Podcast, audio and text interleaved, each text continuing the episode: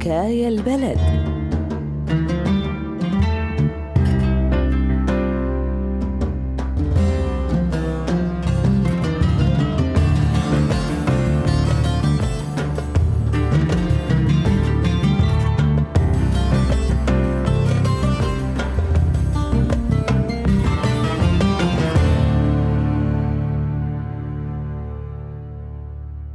حتى أنك تسمع نشرة أخبار يعتبر فعل معارض ومرفوض عند الطاغية وأزلامه وحتى التضامن أو الشعور ممنوعين ومحسوبين عليك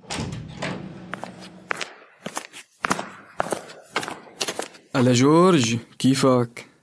ليش همست لي مثل الحرامية بالمطعم لحتى ألحقك على المستوصف؟ تعال فوت لتشلق حدا علينا سكر الباب وراك شو هالتخبيص اللي عم تعمله؟ تخبيص شو؟ مالي عامل شي خارب الدنيا ومالك حاسس على حالك؟ مفكر لي حالك بطل ما؟ لاحق لي المظاهرات وعم تحاكي المنسقين بالشام لك على فكرة في أمر بمراقبتك مراقبتي؟ شو هالحكي؟ مظاهرات شو يا زلمة؟ والله مالي بهالخبر لا من قريب ولا من بعيد بعدين أنا شو دخلني بالمظاهرات؟ أنا بالقطعة هون بعيد عن الشام احكي لي ولا تتزاكى علي وبلا تضيع وقت ما بتعرف بركي بقدر ساعدك أساسا أنت مخك مضروب من زمان لك في حدا بيجمع طب وبيروح بيدرس أدب إنجليزي. فكتير طبيعي يعني إنك تروح مع العراعير عادي كتير عادي. العمل عمل عمل القصة متطورة معناتها وأنا مالي دريان. إيه طبعا. حضرتك عم تشد مع الناس اللي بدهم ياخذوا البلد للمجهول ومالك عرفان مصلحتك وين. بكرة إذا مسك واحد من جماعة الشام اللي عم تتواصل معهم واعترف عليك ما بتلاقي حالك غير مشحوط على التحقيق. ولحقني إذا بتلحقني. شو العمل هلا؟ ما في غير إني أترك البلد كلها. بس كيف يستر عرضك دبرني جورج شو أعمل؟ مثل العادة بس تفوت بالحيط بتصير تقول دبرني كنت عم فكر اخذك بسيارتي العسكرية لبرات القطعة ومن هونيك بتاخذ لك شي سيارة بس خايف يشكوا فيني خاصة إنه صار في حواجز كتير على الطريق شو رأيك تكتب لي إجازة مرضية؟ بس على شو؟ شو بدنا نتحجج؟ إيه رنا شفت داختي من شوي أهلا حبيبي حسن كيفك؟ ماشي الحال مشتاقت لك كتير تشتاق لك العافية احكي لي لازمك شي؟ ما لازمني غير شوفتك جاي الجمعة ما هيك؟ لا لا ما راح أجي الجمعة الوضع ما بيطمن وما فيني انزل للبلد مثل العادة بس المفروض تجي حسن عنا مراجعة عند الدكتورة عيلتك وعيلتي أكلوا راسنا بأسئلتهم ليش لهلا ما أجا الولد؟ أوهو علينا يعني نحن ما بدنا يجي للولد؟ والله ناطف قلبنا على ما نشوفه شو الأسئلة تبعهم يلي بلا طعمة؟ ليكي ما حدا دخلوا فينا. المهم نحن مبسوطين. أنا بعرف. طول الوقت بيطلعوا فيني من تحت لتحت كأني عاملة لكي جريمة ما تردي عليهم. صار لنا سنة متابعين الموضوع. والله ما راح فلتوا إذا ضليت 100 سنة. ليكي سألت لك عن موضوع الأنابيب. شو رأيك؟ أنابيب شو يا حبيبي؟ والله أهلك بكرة ليحطوني بشي أنبوب ويسفروني لبيت أهلي ويزوجوك غيري. إيه شو هالحكي يا مرة؟ إيه والله ما باخذ غيرك لو شو ما صار. يلا يلا في عندي شغل. مع السلامة. ادخل. احترامي سيدي. خير آه، صوتك كان موصل لبرات الغرفة. لك أوف عم أحكي مع مرتي موضوع الأولاد.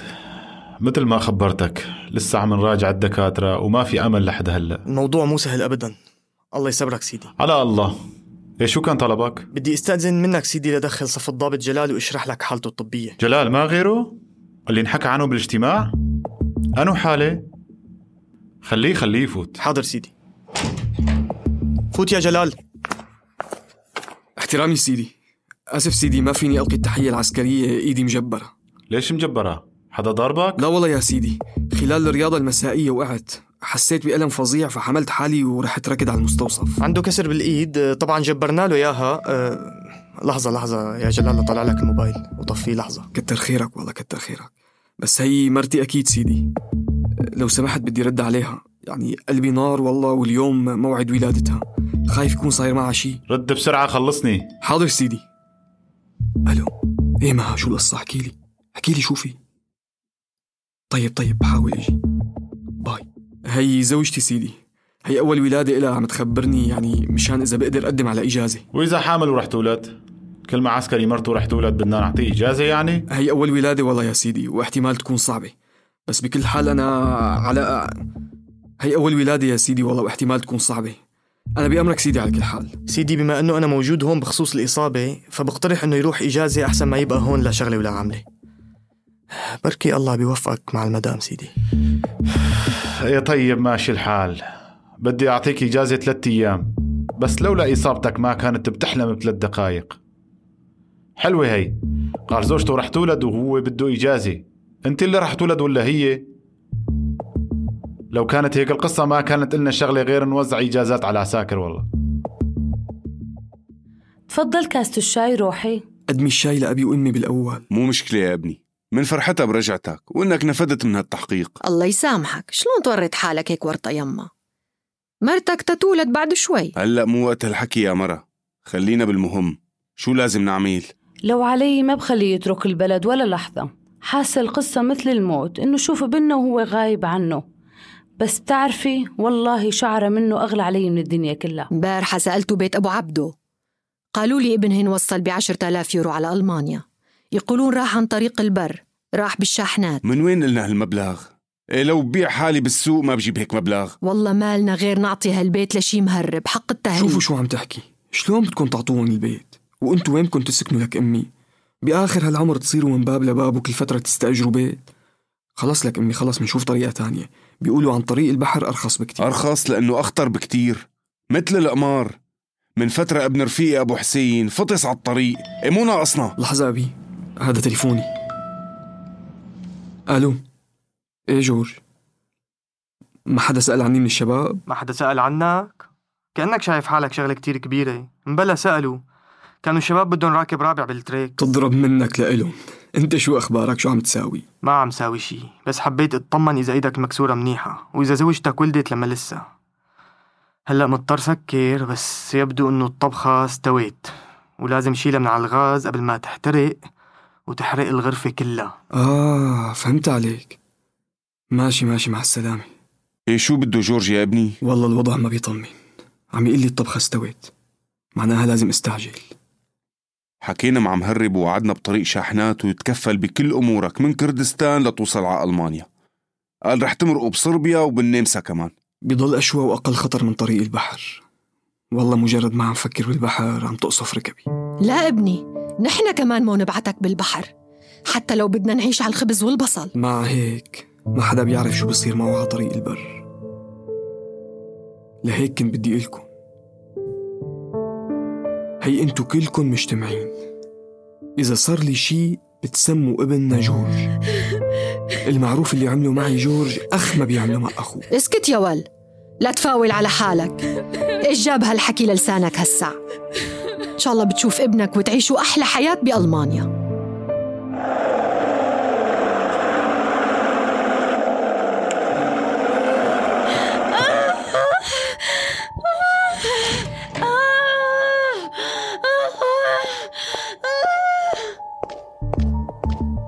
مرحبا يا أنسي نحن مع مها. عم نسمع عياطها كتير. صوتها معبي الممر. في مشكلة صحية عندها شي؟ إيمانك صغير يا عم طبيعي هذا الشي ما تخاف. مرت ابنك على وش الولادة قلبنا غليان عليها وهذا بكرها. عن إذنك. ألو؟ ألو. إيه هذا أنا أبي. إيه. جلال يا ابني ليش هيك صوتك؟ من وين عم تحكي؟ حطونا مثل السردين بالشاحنة يا أبي. ما عم بقدر أتنفس عم بختنق قل لي يا ابني وينك؟ بجوز نقدر نساعدك بعت لي موقعك على الواتساب. الإنترنت ضعيف. ما ب... ما بعرف وين صرنا. في ناس ميتة جنبي. س... سامحني يا أبي. وأنت أمي. سامحيني. وين أنت يا أبني؟ وين؟ راح الولد يا حسينة راح الغالي.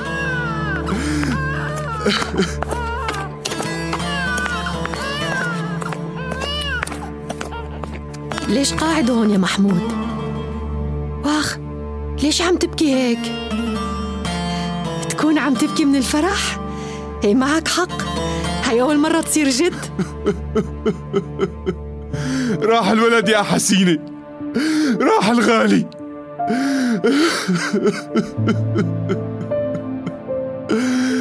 راح الولد. راح الولد يا حسينة أي ولد يا محمود؟ مو أفهم عليك. مين كان يحكي معك؟ جاوبني. السوري سلمها مواد جديدة تظهر ضلوع مسلحي المعارضة السورية في الهجوم الكيميائي ألو بابا كيفك؟ تمام يا ابني. أنت كيف أحوالك؟ نشكر الله عم بفطر. مو المفروض تكون بالشغل؟ مزبوط. ما بعرف شو بدي أقول لك. في قصة صايرة ورح تزعلك أكيد. احكي بابا. أمي صاير لها شيء؟ لا لا ما فيها شيء. ليكها جنبي. بس هدول بيت جيراننا وصلهم خبر اليوم إنه جلال مات بشحن التهريب على طريق هنغاريا والنمسا. شو هالحكي؟ معقول؟ متأكدين من الحكي لما إشاعة؟ متأكدين متأكدين. مترجم مغربي عم يشتغل مع الشرطة النمساوية حكاهم من الحدود وقال لغوا هويته لجلال. شو صاير يا ابني؟ شو هالصوت؟ ما في شي بابا ما في شي بحاكيك بعدين عم دق الباب شو هالصوت؟ صاير شي؟ ليش مالك على بعضك؟ ما في شي قمت لجيب غرض وبالغلط ضربت الطاولة يا عرضية شو اللي زعلان اسمع؟ شكلها من الإذاعات المغرضة بحض يجي معك المعلم ليعمل لك مشكلة إيه جورج موظف مكتب الهجرة الألماني عم يسألك شو صار معك بعدين؟ حياتي تغيرت كتير بعد موت جلال. أنا كنت لوقتها ضد المظاهرات وبشوف إنه اللي عم يطلعوا فيها مندسين ومدفع لهم مصاري ليعملوا هيك. بس موت جلال صحاني. خلاني أعرف تماما إنه أي شخص من هدول الناس ممكن يكون أخي أو جاري أو أي شخص حابب يحسن وضع البلد وعم يخاطر مشانه ومشاني. صرت أعرف تماما إنه ما في شيء اسمه عراعير ولا مندسين مثل ما كان الإعلام يقول. المحقق عم يطلب تحكي بالتحديد شو اللي دفعك لتهرب من الجيش خاصة إنه عم تخدم إلزامي ورح تخلص. حاولت كتير إنسى جلال بس ما قدرت. كنت دائما عم أتذكر صورته وعم أتذكر آخر لقاء بيني وبينه بالقطعة العسكرية لما ودعته. بهديك الفترة صارت تصلني أخبار كيف عم ينزلوا جيش على المدن وعم يعتقلوا بطريقة عشوائية. صرت أحس إنه كل معتقل هو جلال. ما عاد قدرت إني أكون جزء من هيك ظلم. قلت لحالي وقتها إنه جلال مستحيل يسامحني إذا بكل إيد باللي عم يصير.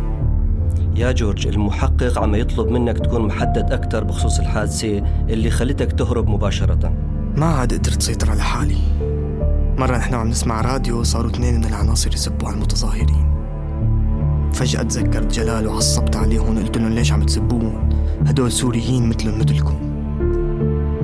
بعدين وعيت على حالي وحاولت لفلف الموضوع. وكيف هربت؟ هيك ببساطة خلوك تهرب؟ لا طبعا. فكرت بالموضوع منيح. بعدين أقنعته للنقيب اللي كان صاحبي يعطيني إجازة قصيرة. تحججت بأنه الوالد مريض ويعني أنه طبيب مو معقول ما أروح أطمن عليه. ومن هنيك طلعت برات سوريا. جورج المحقق عم يسألك من مين هربان أنت؟ ومين بيشكل عليك خطورة إذا رجعت؟ المعارضة ولا العصابات المسلحة مثل ما بيسميها النظام؟ ولا النظام نفسه؟ وكمان عم يسأل إذا صرت ناشط معارض هلأ ولا لا؟ أنا مالي مؤيد بس كمان أنا ما صرت ناشط معارض. أنا هربان من شبح أني صير جزء من آلة قتل ممكن تبتلع أشخاص طيبين مثل جلال. بس لو كنت بقدر أبقى وأعالج أهل بلدي شو ما كانت توجهاتهم؟ ما كنت طلعت. وهلأ بهي اللحظة مستعد أرجع إذا في جهة بتضمن لي هذا الشيء. الله يرحمك يا جلال.